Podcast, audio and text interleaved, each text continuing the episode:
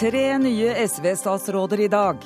Jeg vil sette verden foran partiet, sier ny utviklingsminister Heikki Holmås. Bård Vegar Solhjell, ny miljøvernminister. Han står og faller på at klimameldinga faktisk kommer før sommeren, sier Natur og Ungdom. Jeg har tro på endring i asylbarnsaken, sier SV-nestleder og ny barneminister Inga Marte Torkelsen. Samtidig som de første asylbarna sendes ut av Norge.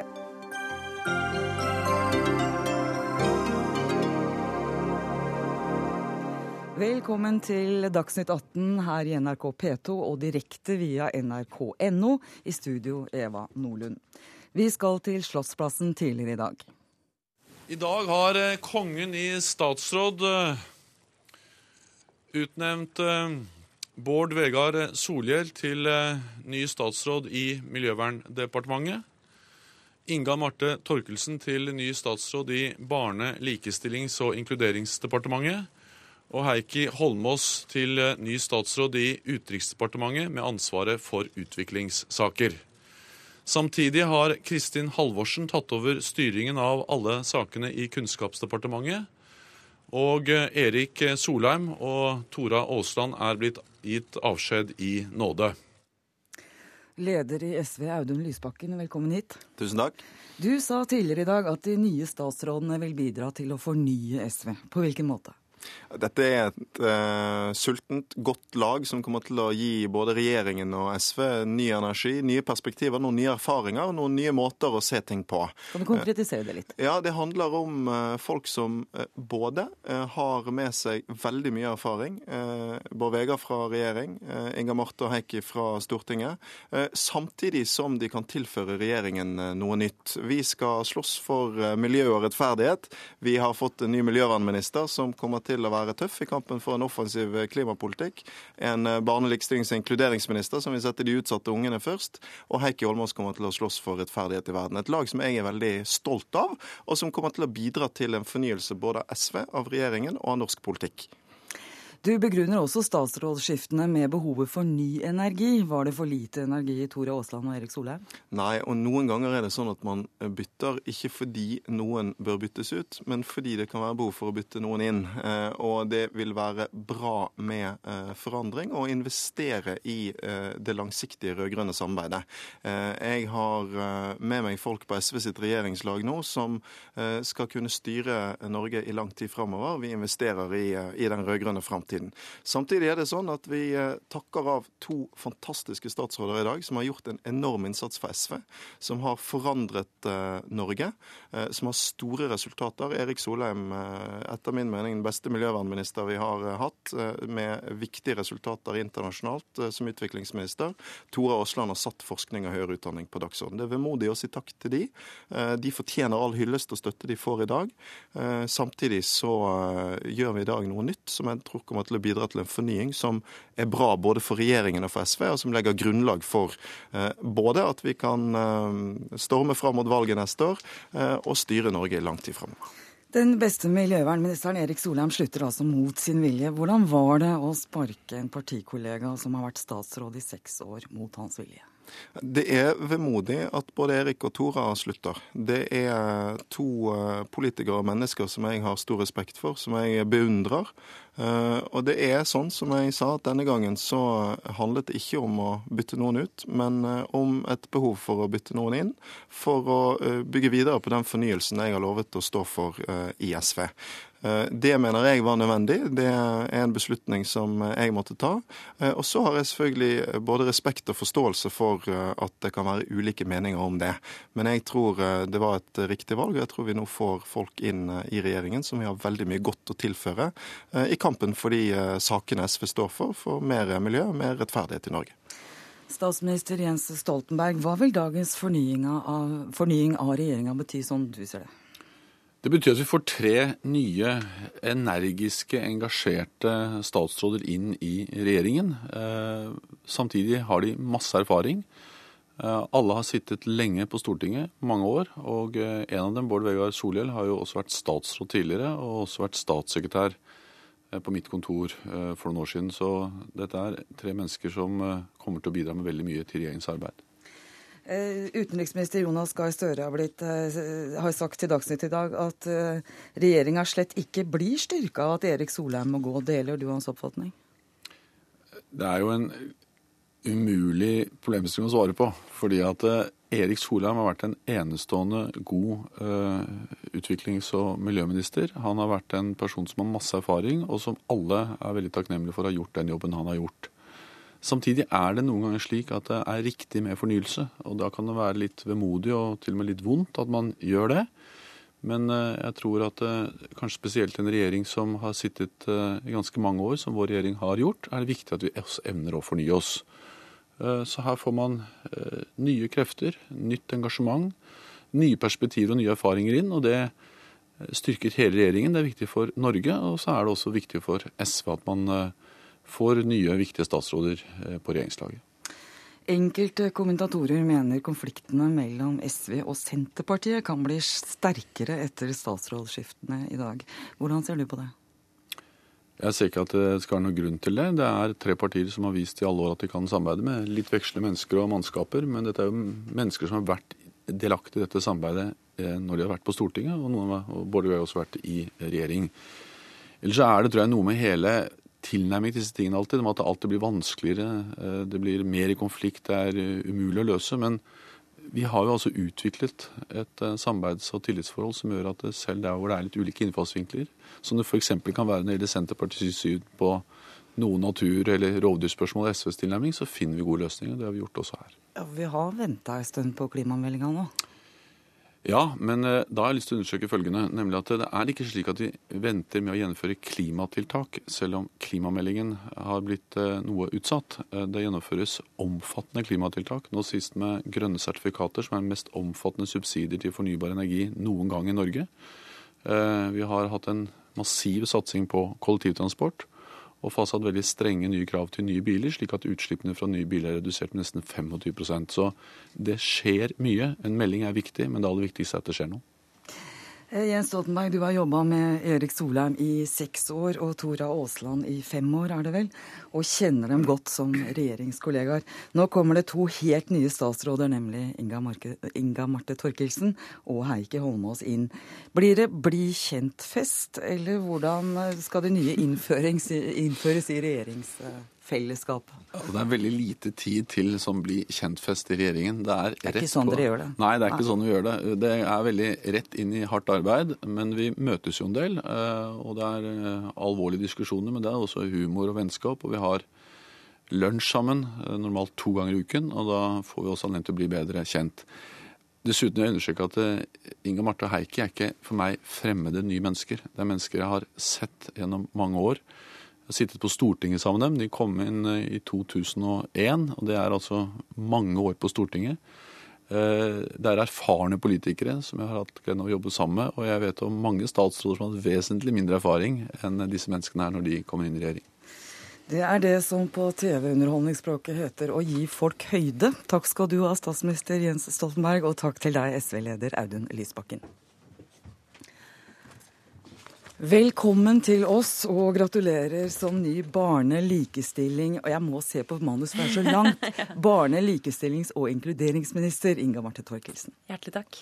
Du er også nestleder i SV, og har engasjert deg på vegne av de 450 asylbarna som skal sendes ut av landet. På Slottsplassen i dag så sa du at du fortsatt har tro på endring i denne saken. Samtidig, i dag så ble de to første av disse barna tvangssendt ut av landet. Hvordan reagerer du på det? Nei, det er jo ingen uh, hemmelighet, heldigvis, at uh, SV har et sterkt engasjement for uh, at vi skal få et klarere barneperspektiv inn i det lovverket som handler om asylpolitikken. det ligger jo under Justisdepartementet, men jeg har ansvar for barn i Norge. Mm. og kommer til å fortsatt jobbe for barn i Norge sine rettigheter. også når barneperspektivet Eh, må kjempes inn. Mm. Og det er eh, heller ingen hemmelighet at det er tøffe tak knytta til den saken her. Men jeg har fortsatt tro på at det skal være mulig å finne en løsning som ivaretar barns rettigheter og hensynet til barn i større grad enn det dagens lovverk og praksis gjør. SV stemte altså mot Venstres forslag om å stille disse asylsakene i bero til meldinga kommer. Og Årsaken var at dere ikke ville miste innflytelse på dette spørsmålet i regjeringa. Mm. Og da er det noen som, som spør seg da kan vel være veldig komplisert å få gjennomslag for SVs politikk i regjering? Ja, men det er jo heller ingen hemmelighet. Dette er jo ikke noe walk in the park, akkurat. Eh, dette er et av de mest kontroversielle temaene i Norge, og vi så det ved forrige valg at tre av de, eller de tre partiene som eh, har den mest restriktive politikken på dette området, de gikk fram eh, og gjorde det bra, mens de partiene som SV, Venstre, KrF, som er opptatt av at vi skal ha en mykere tilnærming, gjorde det ikke bra. Og det har blitt tatt til inntekt for at folk flest ønsker at vi ikke skal ta mer hensyn til barn også når det står mot innvandringspolitiske hensyn som må hindre folk i å komme hit. Men den erfaringa vi har gjort oss til nå, det er jo at det er et betydelig engasjement knytta til enkeltskjebner. Når folk ser at et veldig strengt eh, lovverk kan bli urimelig, så eh, ønsker de forandring. Og eh, det jeg i hvert fall veit, er at ved avstemminger i Stortinget så vil det ikke bli flertall, sånn som situasjonen er i dag, uansett, for en endring. Så det eneste håpet ligger i at vi klarer å finne en løsning i regjering, og det eh, må vi jobbe fortsatt for å få til. Kjerne i, i, denne saken har jo vært tolkning av Barnekonvensjonen og lover og regler. Mener du at innvandringspolitiske hensyn kan gis forrang foran hensynet til barnets beste? Eh, jeg mener at det er eh, barnets beste som eh, må være avgjørende. Og så er det alltid et tolkningsspørsmål. Så det er ikke lett å si hva som ligger i det alltid. Og det er også dilemmaer her hvor hensynet til barn kan stå mot hensynet til barn. Altså mm. konsekvensen av politikken er ikke alltid lett å overskue. Og jeg ser at det er dilemmaer knytta til disse sakene også. Men allikevel så er det behov for et forsterka fokus på barn og en forsterka forståelse av barns stilling, og også at barn har rett til å bli hørt eh, og til å si sin mening i saker som angår dem, inkludert deres egen asylsak. Og det er veldig viktig for meg. Hva er det aller første du vil gyve løs på nå som ny statsråd? Ja, eh, det som eh, jeg er aller mest opptatt av, det er at vi skal få trygge oppvekstvilkår for eh, barn i Norge. Det er det viktigste vi kan drive med som samfunn. Det er det som vil avgjøre hvordan Norge utvikler seg framover. Om vi blir et godt samfunn å leve i, hvor folk kan bidra og delta ut fra sine evner og forutsetninger. Og der er det mange utfordringer. Hvor, hvor tar du fatt av barnevernet? Ja, det er ett av dem. Og så er jo jeg en av de som sto bak barnehusene i sin tid. Eh, og, det er et eksempel på hvordan jeg mener vi må arbeide framover. Det å få til samarbeid på tvers mellom ulike etater, ulike faggrupper, til beste for barna, og ikke gjøre parallellarbeid i stor grad. Eh, det er eh, kjempeviktig. Og der sørger det også for trygge rammer hvor barn kan bli hørt. Og det er også veldig viktig. Takk skal du ha. Vi kommer helt sikkert til å se mer til deg. Ny barne- og likestillings- og inkluderingsminister Inga Marte Torkelsen. Hei. Han har eh, brukt siste måneden, de siste månedene på å reise landet rundt som lederkandidat for SV. Partileder ble han ikke, men i dag ble han ny utviklingsminister. Og utviklingsminister Heikki Holmås, gratulerer som statsråd. Tusen takk skal du ha. Hva slags bidrag skal du gi til fornyinga av ditt departement? Nei, først og fremst vil jeg rette en stor takk til eh, Erik Solheim, som har gjort en kjempejobb som utviklingsminister og vridd utviklingspolitikk, norsk utviklingspolitikk i en veldig god retning.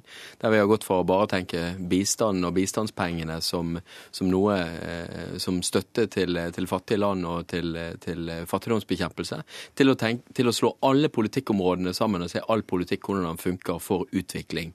Eh, og jeg syns det er en stor ære å få muligheten til å overta stafettpinnen fra fra Erik. Bidragene mine eh, tror jeg kommer til å være at jeg i, i, hvert fall kommer til å gripe fatt i og prøve å bringe eh, utviklingspolitikken nærmere Norge. For folk i Norge er det utrolig viktig å få med seg i støtten til, eh, til å bruke så mye penger som vi faktisk gjør. Og da tror jeg vi er nødt for å være enda mer Jeg skal i hvert fall gjøre mitt bidrag for å være enda mer i dialog med, med folk i Norge. Ehm, fortelle hvor viktig dette er, og, og, og, sørge for å bidra bra. Og så er det jo det, kampen for rettferdighet og eh, kampen for å stoppe de farlige klimaendringene. Det er jo kjerne. Det er jo kjernebudskap og kjerneoppgaver for, for SV. Erik Solheim har sagt at han har satt nasjonens interesser foran partiets interesser. Tidligere i dag sa du at du vil sette verden først. Men hva innebærer det? Nei, du kan si at Det er jo veldig mange positive utviklingstrekk i verden. Sant? Det blir færre, færre, mennesker som er, fattige, flere mennesker som kommer seg ut av fattigdom. Samtidig så ser vi veldig tydelig at de landene der forskjellene er størst, er de landene som klarer seg dårligst. Og det, det, jeg i hvert fall kan gjøre, og det vi si, kan bidra med fra norsk side, er jo å sørge for at, de, at folk blir i stand i, rundt omkring i verden blir i stand til å få mer ansvar over sine egne liv. For friheten og muligheten til å skape gode demokratier og gode velferdssystemer og gode velferdsstater. Etter inspirasjon bl.a. av som vi gjør det i Norge. Har Erik Solheim et poeng i at det er langt vanskeligere å oppnå resultater internasjonalt uten å kjenne folk, ha et omfattende nettverk og, og kjenne godt til historien ved å ha vært med på den? Det er åpenbart viktig å ha nettverk, og det er åpenbart riktig at eh, Erik Solheim har et mye større nettverk enn, en det jeg har. Eh, men alle må starte et sted, og eh, jeg starter i dag. Hvordan vil du gjøre det? Nei, Det er jo ved å reise ut og treffe virkelige mennesker eh, som lever virkelige liv. For det er kun på den måten, tenker jeg, at du kan få forstå på en måte rekkevidden og sette deg inn i andre menneskers situasjon. Og Det er jo da de gode forslagene Det er ikke bestandig de som avgjør internasjonale fora? Absolutt ikke. Eh, og det er klart at det at vi, har, det at vi faktisk er en av, de, en av verdens største bidragsytere, en av verdens største bistandsnasjoner, gjør at vi har innflytelse langt over størrelsen på befolkningen vår. Og den muligheten til å bruke den makten og innflytelsen, den vil jeg absolutt bruke. Nestleder i Kristelig Folkeparti, Dagrun Eriksen. Din partileder, Knut Arild Hareide, skrev tidligere denne uka at sitat, SV har, veld, har veldig god råd dersom de lar Erik Solheim gå ut av regjeringa. Hva betyr det? Det betyr at eh, statsråd Solheim har gjort en enorm innsats. Han har jo i realiteten bare vært på halv tid på utviklingsområdet og hatt miljø på halv tid. Eh, og ut ifra det så har han gjort en kjempeinnsats. Og så er han jo også en av SVs mest erfarne statsråder. Eh, og erfarne statsråder har mye å bidra med for å få ting igjennom. Så men når det er sagt, så må jeg også si å gratulere eh, statsråd Heikki Holmås. Eh, det er jo en fyr som vi kjenner som også har noe av det samme glødende engasjementet som vi har sett hos Erik. Eh, men jeg tror nok at vi i KrF har tenkt å utfordre også statsråd Holmås på noen av de tingene som vi syns ikke statsråd Solheim gjorde godt nok. Og hva er det? Nei, For det første så syns jo vi at statsråd Solheim har på mange måter flytta litt av fokusen fra å gå fra de fattigste i Afrika, til å handle litt mer om Latin-Amerika og de litt mer røde regimene. Det er det mange, både i bistandsorganisasjonene, utviklingsorganisasjonene og ikke minst også i det globale samfunnet, at man har reagert på. Så jeg ønsker et ordentlig engasjement for de aller, aller sårbarste og mest fattige, og det er de som er i Afrika sør for Sahara. Da, da kan vi få programerklæringa på det punkt fra den nye statsråden umiddelbart.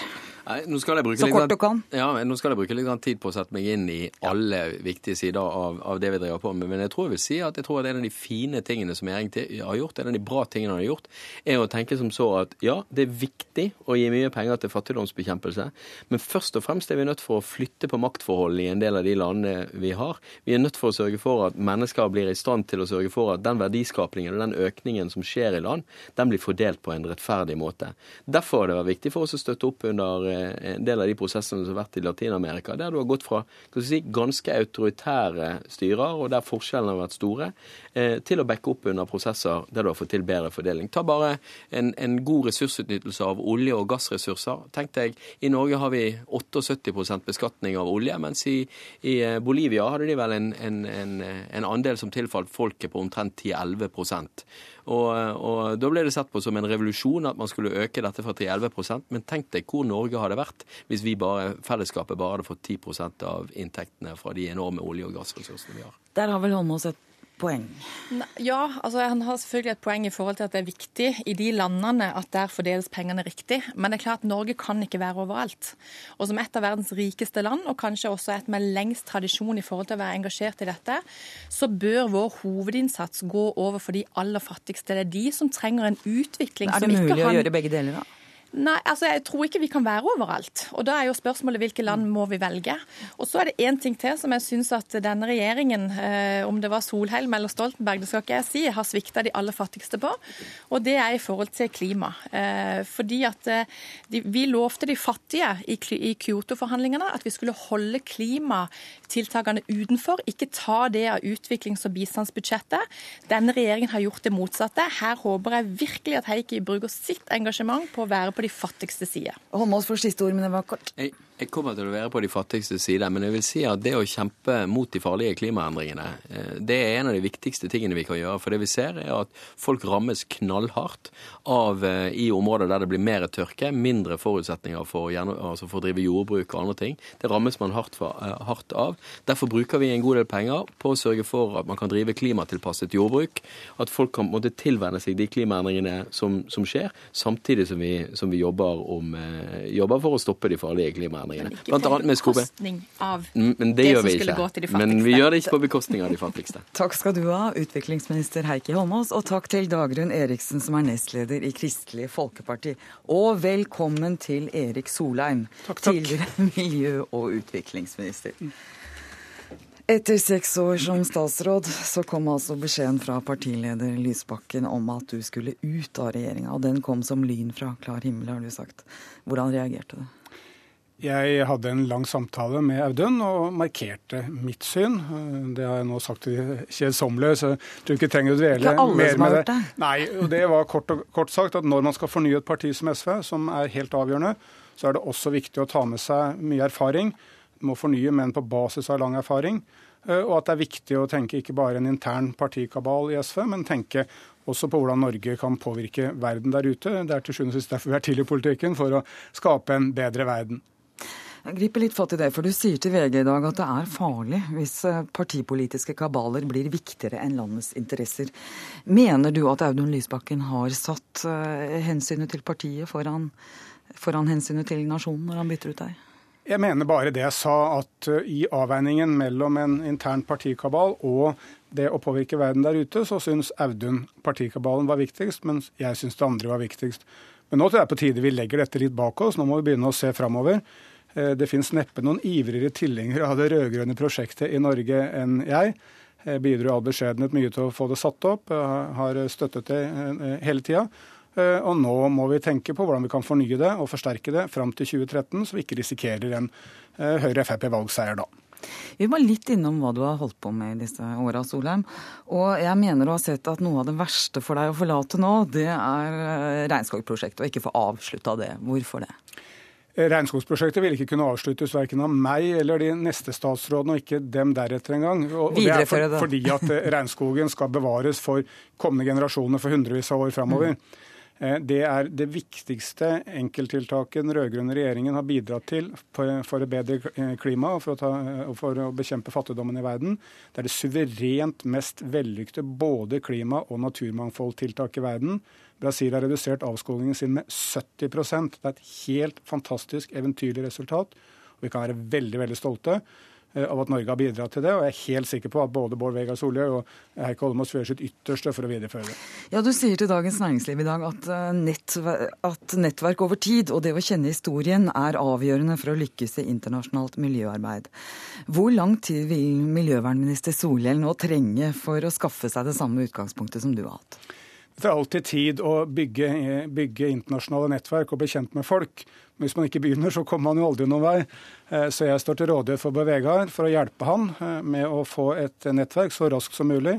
Jo raskere han får det, jo større rolle kan han spille i de internasjonale klimaforhandlingene i årene som kommer. Og så til noe som jeg tror er eh, kanskje mildt sagt et hjertesukk fra deg i dag. For vi kan lese i, i Dagens Næringsliv at du sier at største hinderet for å få gjennomslag for klimatiltak du har jo vært både utviklingsminister og miljøminister. Eh, I regjeringa er det du kaller sosialøkonomisk ortodoksi. Hva mener du med det? Med det mener jeg at sosialøkonomi er som markedet et veldig veldig viktig verktøy. En veldig viktig eh, slave, noe man kan, skal bruke. Men en veldig veldig farlig tjener, eh, unnskyld, farlig herre. Eh, hvis man hadde lagt eh, sosialøkonomiske beregninger og bare det til grunn, så er jeg helt sikker på vi ville aldri fått alminnelig folketrygd i Norge. Den ville vært regnet som ulønnsom. Vi ville aldri fått eh, alminnelig skolegang i Norge eller velferdsstaten. Ingen av de, alle de store reformene i Norge de er kommet fordi det var noen politikere som ville. Olof Palme sa at politikk er å ville. Bare der det er en sterk vilje til å gjøre noe, får du det til. Og så må du bruke økonomiske modeller som en redskap. Det er veldig dumt å gjøre det som er dyrt og dårlig, istedenfor det som er billig og lurt. Men du må, ikke, du må bruke økonomien som et verktøy, ikke som styringsredskap. Men du, hvor sitter disse ortodokse sosialøkonomene i regjeringa? Sitter de i finans, eller sitter de Jeg er mer i til angrep på en tenkemåte eh, enn på noen bestemte enkeltpersoner. Eh, men, Men, hvor i regjeringa? Ikke i ditt departement? Det, nei, Miljøverndepartementet er ikke det. er ikke det. Si departementet eller Kunnskapsdepartementet som er mest av det. Men la meg ta en veld, veldig viktig debatt for Norge framover, og det er debatten om oljefondet. Vi har en gigantisk økonomisk handlefrihet som hele verden misunner oss. Et fantastisk stort uh, oljefond. Vi de investerer det i eiendom i, London og stort sett i Europa. Burde vi ikke bruke dette til Punkt én, investere mer i de fattigste landene. Der er til, over de siste tiårene til og med fortjenesten høyere i Afrika, Asia, Latin-Amerika enn Europa. Burde ikke investere mer der. Og burde ikke investere mer av det oljefondet i fornybar energi, i miljøtiltak, i det som er avgjørende for framtida. Der la Erik Solheim igjen noen spørsmål på bordet. Takk for at du kom til Dagsnytt 18, Erik Solheim. Velkommen og gratulerer med ny jobb, Bård Vegar Solhjell, miljøvernminister, og du er også nestleder i Sosialistisk Venstreparti. Eh, på hvilken måte vil du være med på å fornye regjeringa, som eh, Lysebakken har snakka om at dere skal i dag? For det første så vil jeg bruke eh, all min tid på miljøspørsmål og lede Miljøverndepartementet, fordi jeg nå bare skal ha ansvar for det departementet. Og med de Bare? Eh, nei, det er ikke bare. Men det, det, det er iallfall mindre enn to. Forskjell fra Solheim til eh, Men poenget mitt er egentlig at eh, så store som klima- og miljøutfordringene er, så viktig det er for oss i SV, så tror jeg det er helt riktig og nødvendig nå. Mm. Og det første jeg allerede faktisk har kasta meg over, det er klimameldinga. Det er altså en melding som vi skal legge fram veien videre for hvordan vi skal klare å redusere utslipp i Norge og internasjonalt. Og det, det haster, og mm. det er viktig arbeid som jeg allerede har begynt på. Garanterer du at den kommer før sommeren? Altså, Vi jobber videre med den samme eh, ambisjonen som vi har hatt, nemlig at den skal legges fram eh, i juni. Og jeg har godt håp at vi skal klare det. Eh, da skal vi ønske velkommen til Silje Lundberg. Du er leder av Natur og Ungdom. Solhjell står og faller på klimameldinga, sier du. Hva betyr det i praksis? Det betyr at den klimameldinga må være en melding som faktisk kutter klimagassutslippene i Norge, og som faktisk fører oss fram mot det nullutslippssamfunnet som vi skal til. Og så betyr det også at den klimameldinga ikke kan utsettes lenger. Den har vi venta på i eh, to lange år. Eh, og samtidig som at vi har venta på at den skal komme, så har vi også venta på tiltakene og virkemidlene som faktisk har ført til at utslippene i Norge reduseres. For det er jo noe som går i andre retninger. Ja, en ting er når klimameldinga skal komme, men hva må den inneholde da? Hva er det viktigste for at dere skal bli fornøyd? Det er kanskje tre ting som er de aller viktigste. Det ene er at eh, man står ved lag med målene fra klimaforliket om hvor mye man skal kutte i Norge. Man kan ikke forhandle seg bort fra det. Og så må det bli eh, dyrere å forurense. I dag så betaler oljeindustrien historisk lite for å slippe ut CO2 på norsk sokkel. Så det er en avgift som må skrus opp. Det er også da en avgift som kan komme fellesskapet til gode. Og så må det bli enklere å velge miljøvennlig. Det må bli enklere enklere å ta toget, det må være billigere å ta bussen. Det må være eh, enkelt for folk å velge å være en del av den klimadugnaden som alle faktisk må være med på. Der fikk du så å si ansvaret for kollektivtrafikken samtidig, Bård Vegar Solhjell. Ja, det skulle, bare, det skulle bare mangle at jeg har litt ansvar for det òg. Miljø er ikke en sektor i samfunnet. Det dreier seg om, eh, om overordna beslutninger på alle områder. Mm. Det er noe av det som gjør klimameldinga så vanskelig òg. Den handler om olje og transport og industri og alle ting. Mm. Jeg er enig i flere av de tingene som ble sagt her. Eh, det må bli dyrere å slippe ut eh, CO2 til, eh, sånn at vi faktisk presser, bruker markedet til å presse utslippene ned. Mm.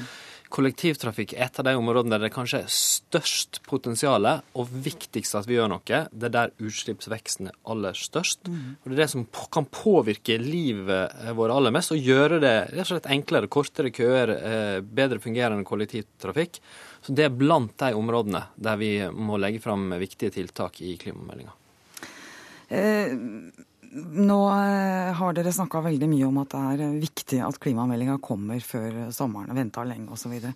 Men er, hvilken dramatikk kan du peke på dersom den ikke kommer i juni, men f.eks. I, i september?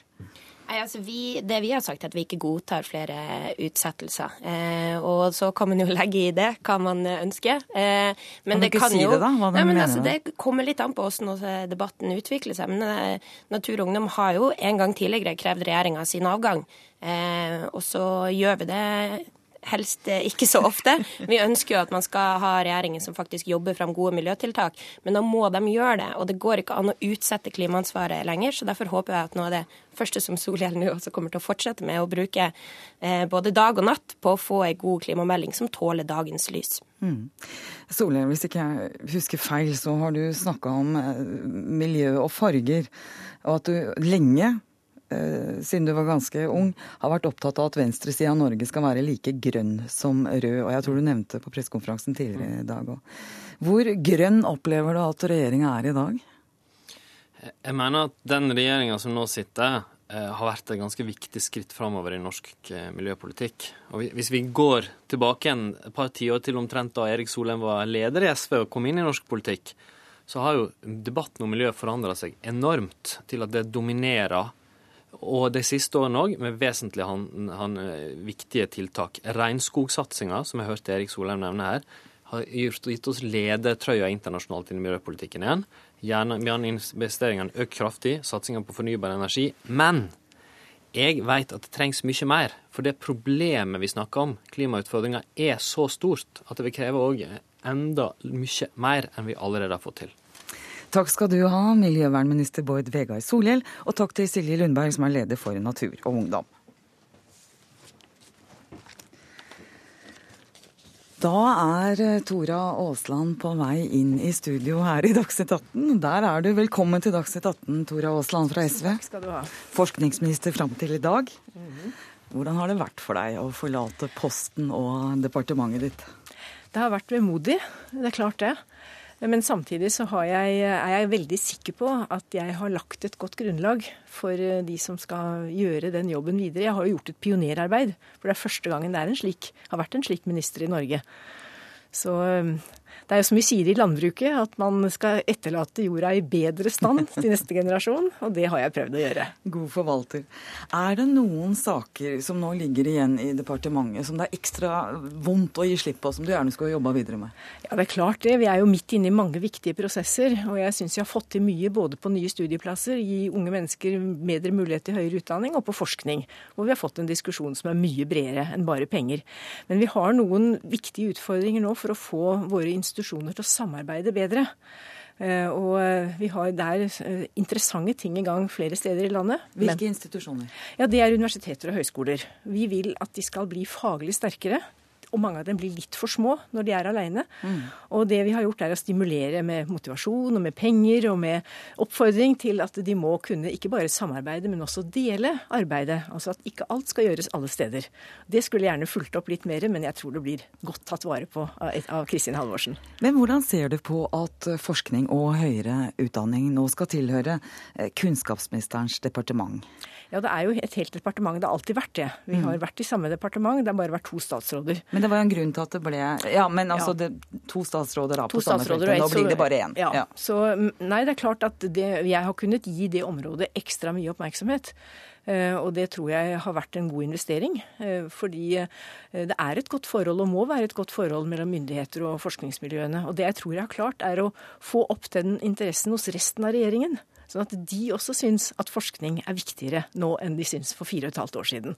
Og det, da, hvis jeg har klart det, så har jeg gjort en god innsats. Da er det mange som vil takke deg. Ja, det tror jeg.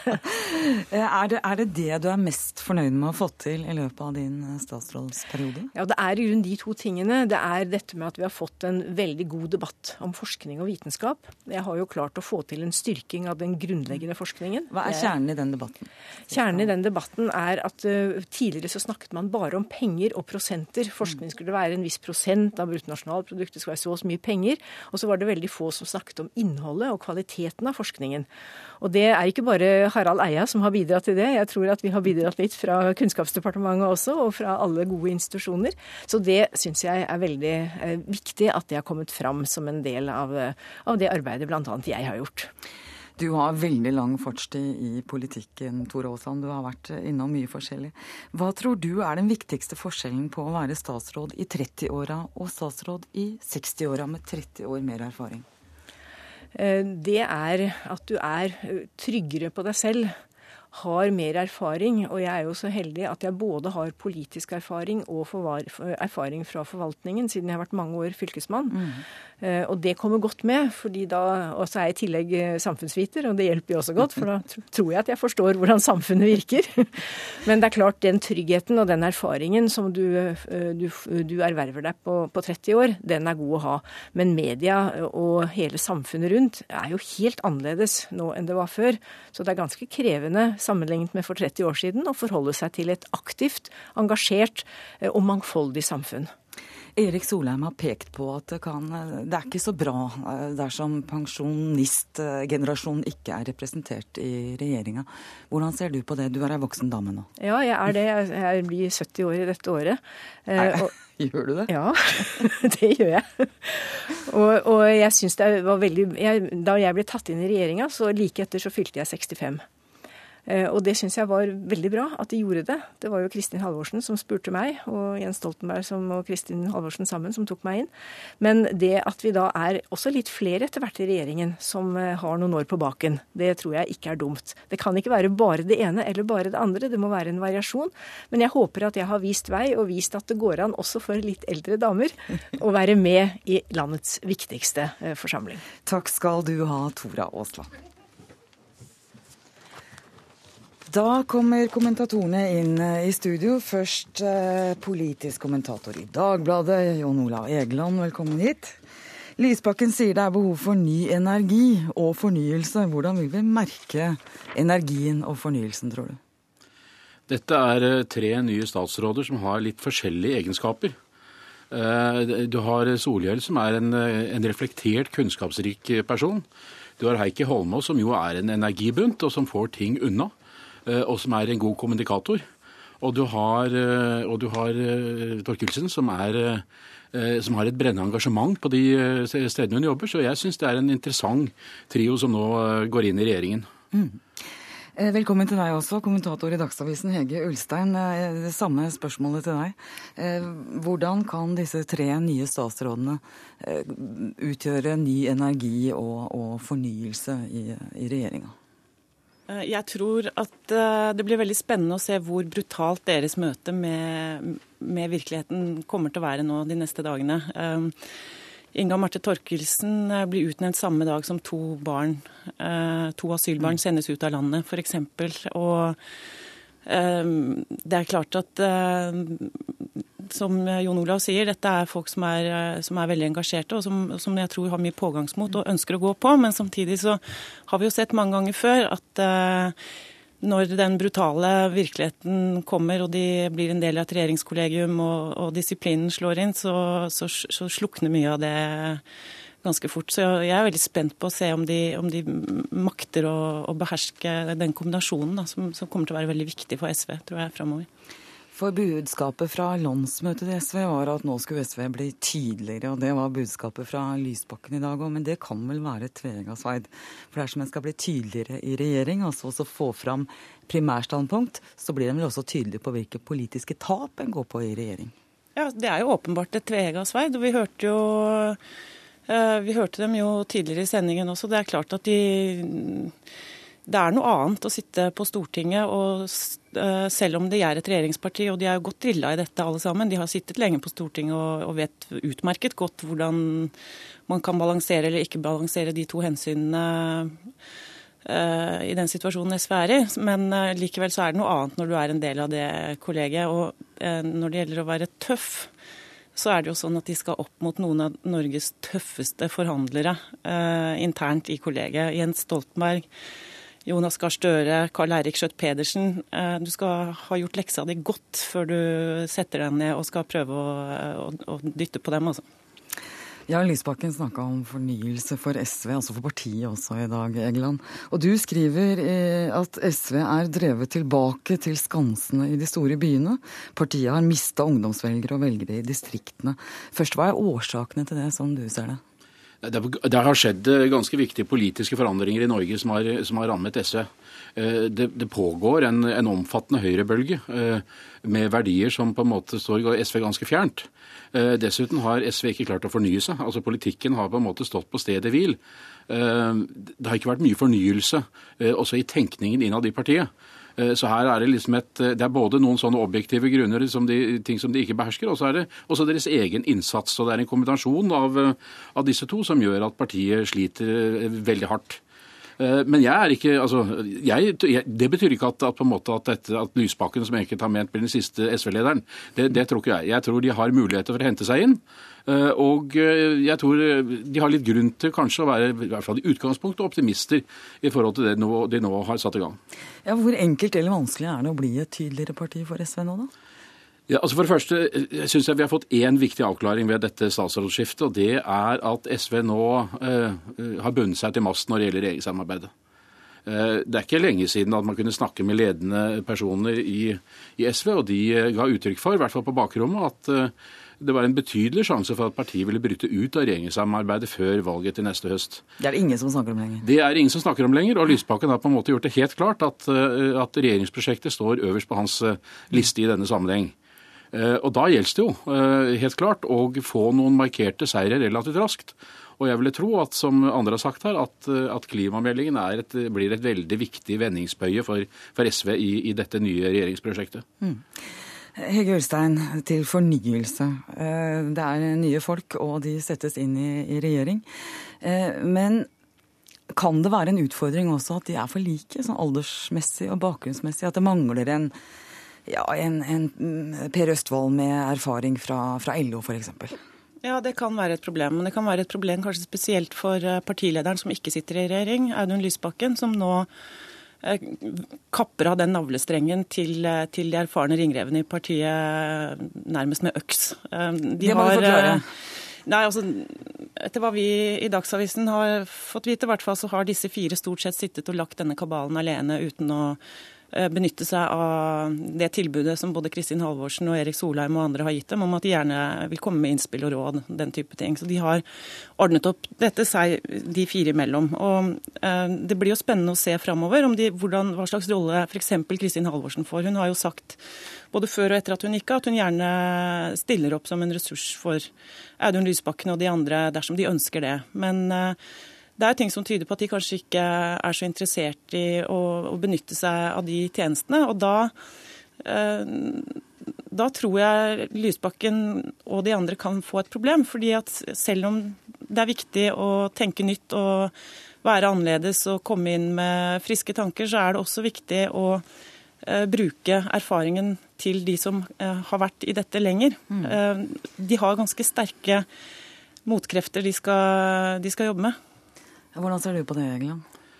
Det er jo alltid, i hvert fall vi som har levd en stund, vet at det er alltid vondt når tenåringene på en måte vokser opp og, ja, og, vil, og vil, ta styringen selv. Eh, og, og, i politikk så, så, foregår disse prosessene ofte på, på en ganske brutal måte. Mm. Men det tror jeg på en måte Vi må bare akseptere at, eh, at, at ting blir løst på denne måten. Eh, for det er ikke så mange muligheter til eh, å, å drøfte regjeringskabaler i større forsamlinger. Eh, her må man på en måte holde kortene tett til brystet i, i, i, slike prosesser for å ha styring på dem. Så, så selv om man kan ha på en måte i høy grad forståelse for at de som er satt til siden, føler seg overkjørt, mm. Eh, så er dette på en måte både livets og politikkens vesen. Det er ikke sånn at uh, dette at Lysbakken kan se litt hard ut i klypa, fører til noen store interne strider i partiet, for det trenger de vel ikke nå? Nei, jeg tror at partiet vet at de er, de er, på en måte helt ned på rock bottom når det gjelder oppslutning. De er nede blant kjernevelgerne sine i oppslutning. De er, ligger jo elendig an. De kan til og med falle under sperregrensen hvis ikke det skjer noe. Jeg tror at det er et så disiplinerende element. Og så tror jeg ikke det gjør noe, f.eks. om en Erik Solheim går ut og alle skjønner at han er såra av Vonbråten, mm. og viser frem det. Det tror jeg faktisk er, er, er, er antagelig er ganske klokt. Mm. Istedenfor på en måte å prøve å gjemme det på loftet, selv om jeg jo ser at det irriterer Lysbakken ganske kraftig. Takk skal du ha, Jon Olav Egeland fra Dagbladet. Og takk til deg, Hege Ulstein, kommentator i Dagsavisen. Dagsnytt 18 alle hverdager klokka 18.03 på NRK P2.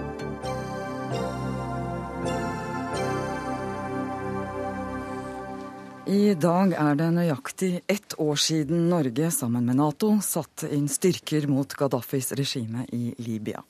Invasjonen endte med Gaddafis fall. Den norske pressedekninga av konflikten i Libya har fungert som propaganda for Nato og opprørsstyrkene. Det skriver du i en kronikk i VG i dag, leder i Rødts aksjons aksjonsnettverk mot krig, Mariell Leran. Hva er det som gjør at du kaller pressedekninga av Libya for propaganda? Jeg mener at det er viktig for media å få fram sannheten eh, når en eh, går til krig. Eh, og I den forbindelse så mener jeg at media har ensidig dekka den ene parten i en krig. Altså, I begynnelsen av den krigen så var man veldig opptatt av alle mulige overgrep som ble begått av Gaddafi. Men allerede tre uker før vi sendte bombeflyene fra Norge, så, ble, så rapporterte Human Rights Watch om massehenrettelser av svarte i Libya, altså svarte liber sørlibere, som er fremmedarbeidere, og dette her er en type um, informasjon Som altså ikke Gaddafi sto for? Som ikke Gaddafi sto for. altså Som den andre parten, altså opprørerne. De som vi støtta med bomber, med mm. bombefly. De begikk massive overgrep mot eh, befolkninga. Uten at det ble møtt med en kritisk granskning fra medias side. Mm. Har, har, dere gjort det sånn, har, har, dere noen rapport som viser mediedekninga, eller hvilke var det mer konkret dere reagerer på? Ja, altså det var blant I tillegg til det? Ja, i tillegg til den. Det var en annen hendelse som var ganske interessant. Jeg husker Det var, en, det var et, oppslag, et, stort oppslag om eh, man fant en, en, stor massegrav man kalte en massegrav i nærheten av et fengsel i Libya. Og dette fengselet eh, og den, den massegraven ved siden av fengselet fant man senere ut at det var elefantbein og ikke menneskebein. Men på det tidspunktet hvor var, man fant ut at det var elef, elefantbein, så var denne saken ute av media. Så media fulgte ikke opp sakene. Sånn å få, få fram når liksom det da blir avslørt at nei, det var ikke mennesker. Media er, er, et stort og romslig begrep, mm. og dere har demonstrert utenfor eh, NRK her på Marienlyst i mm. dag, mm. utenfor TV 2 og VG, eh, med bannere som eh, f.eks. 'Medias rolle i krig', 'Vaktbikkje' eller 'hooligan'. Hvorfor har dere valgt akkurat oss her i NRK, TV 2 og VG? Hva er det vi har gjort feil, helt konkret? Ja, altså, det er de tre største medieaktørene i Norge. Så det er jo ikke det at dere er alene, men dere har på en måte et spesielt ansvar. I og med at statskanalen NRK det er tross alt skal være folkets kanal. Det skal være, Vi eier, vi er medeiere alle sammen som borgere i dette landet av denne kanalen. Og jeg mener at de bør vise, være mer kritiske til den propagandaen som også kommer fra vestlige, altså vestlige ledere. Ikke bare ukritisk gjengi det som f.eks. en FNs ambassadør til FN sier i FNs sikkerhetsråd. Eh, Susan uh, Susan Rice sa i, uh, i FNs altså hun, hun, sa som følger at Gaddafi-styrker gikk på Viagra og foretok massevoldtekter av kvinner i Libya. Dette var direkte løgn, men det ble aldri dekka i media at det var løgn. Altså, Man følger ikke opp da med at dette faktisk er løgn. Så du får aldri frem liksom bare, Saken glipper, så du får aldri liksom dokumentert det at det faktisk var løgn i etterkant. Så men, det blir det vel, stående som en påstand som Men det er jo forskjell på, Jeg kan være enig om at det er forskjell ja. på ja. Det er ikke du og jeg som diskuterer, men det er, det er forskjell på propaganda og en dekning som ikke er god nok. Ikke sant? Ja, altså, når det gjelder... Men dere snakker om propaganda? Propaganda, ja, På den måten at man òg gjengir det som regjeringa sier. Altså, vi, vi, hadde en fiende i en krig, og hvorfor har man ikke òg litt dekning av fra fiendens mm. perspektiv? Da skal vi slippe til utenrikssjef her i NRK, Knut Erik Holm. Propagandaapparat for Nato og opposisjonen i Libya. Hva sier du til den karakteristikken av norsk presse? Eh, ja, jeg syns jo det er å ta ganske hardt i, da. Men jeg er enig i at eh, vi har eh, en felles interesse i å, lete etter sannheten. Der møter vi hverandre. Men for å ta dekningen av, av opprørernes framferd aller først. Jeg kan være enig i at vi i start, helt i starten av krigen nok kunne vært litt mer kritiske i vårt blikk på den militære siden av opprøret. Mm. Jeg syns vi etter hvert formidlet et, et, et, godt og nyansert bilde hvor dårlig organisert de var, hvor mangelfullt utstyrt. De hadde ikke, det var svært tvilsomt hva slags strategi de egentlig hadde. Jeg mener vi også påpekte ganske tydelig uh, uklarheten rundt den politiske delen av opposisjonen. Hvem de var og er, hvem, hva de står for, hvilke politiske tilknytninger de egentlig hadde, og skulle, hva slags land de egentlig skulle bygge opp. Det, det mener jeg, Der har vi gjort en god jobb i ettertid. Jeg mener også at uh, våre reportere, vi hadde mange team der i, i, i lange perioder. Eh, vi laget reportasje som viste eh, problemene etter regimeskiftet, altså hevnaksjoner mot Gaddafi-tilhengere, hvordan den tapende part ble behandlet. Så dette har vi også belyst fra den kanten. Eh, og, men jeg vil først si at etter at regimet falt, så skal jeg også si at vi kunne ha vært oftere til stede i Libya. Eh, det kan jeg også eh, innrømme, men vi skal altså nå sende en reporter til eh, Libya rett etter påske for å, for å fortsette dekningen av Libya, som jeg mener ikke er så skjev og ensidig som min motpart her, her gir uttrykk for. Og hvis jeg, ordet, hvis jeg kan si litt om, den, om at vi blir beskyldt for å være hva skal vi si, talerør for Nato, representert ved Norges innsats. Det er ikke lett å drive kritisk journalistikk på lukkede militære enheter, men vi gjorde hederlige forsøk på å trenge gjennom den muren av taushet vi ble møtt med. Vi forsøkte å finne ut mest mulig om bombemål, eh, hva slags våpen som ble brukt, antall flygninger osv. Eh, etter hvert løsnet det lite grann. Eh, da ga man ut ukentlige såkalte mission updates. Men vi sammenlignet med Danmark f.eks., som hadde en større grad av åpenhet, også et Nato-land, enn det vi fant i det norske forsvaret. Men vi gjorde et godt forsøk. Ja, eh, Leran, du sier også at dekningen av Syria nå begynner å minne om propagandaen eh, som du mm. mener ble frambrakt eh, om Libya. Hva begrunner du det med? Ja, altså Man bygger opp det samme fiendebildet. Altså Her har du den ene parten som begår overgrep mot sin befolkning. Men man dekker heller ikke dette her at det er mange aktører i Midtøsten som er med i dette spillet. F.eks. det at eh, det er militsgrupper som opererer inn, inne i Syria. Hvor kommer disse fra? Qatar og Saudi-Arabia har sagt de skal sende våpen. Er de allerede inne med militsgrupper? Er det mange av disse operasjonene er falsk flagg-operasjoner? Altså hvor de faktisk går til, løs på, på sivilbefolkninga for å skaffe sympati for et militært angrep fra Vestens side. Og dette her bygger òg eh, media opp under når de ikke stiller mer kritisk eh, blikk på faktisk den andre parten, altså alle disse opprørsgruppene i Syria. Holm. Ja, Syria, der var det jo veldig uklart lenge eh, hvem Altså opposisjonen, et stort og vidt og, og differensiert begrep i Syria, hvem de egentlig er og var, og det er vel fortsatt ikke helt entydig.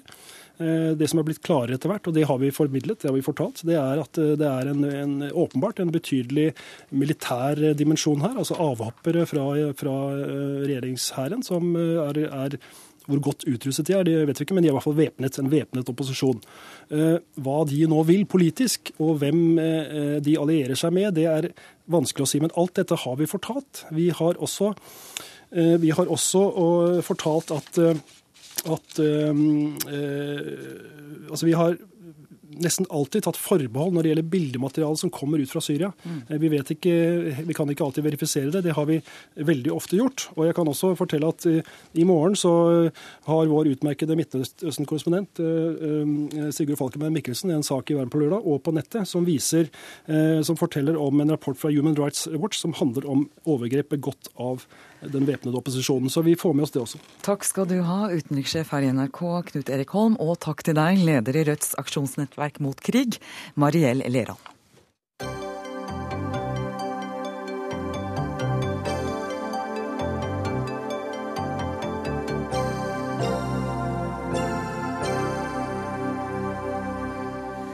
Vi skal til debatten om kvinner som må vente lenge på nytt bryst etter brystkreftoperasjon. I dag kom rapporten fra Helsedirektoratets medisinske faggruppe. De anbefaler rekonstruksjon av bryst innen ett år for nye pasienter.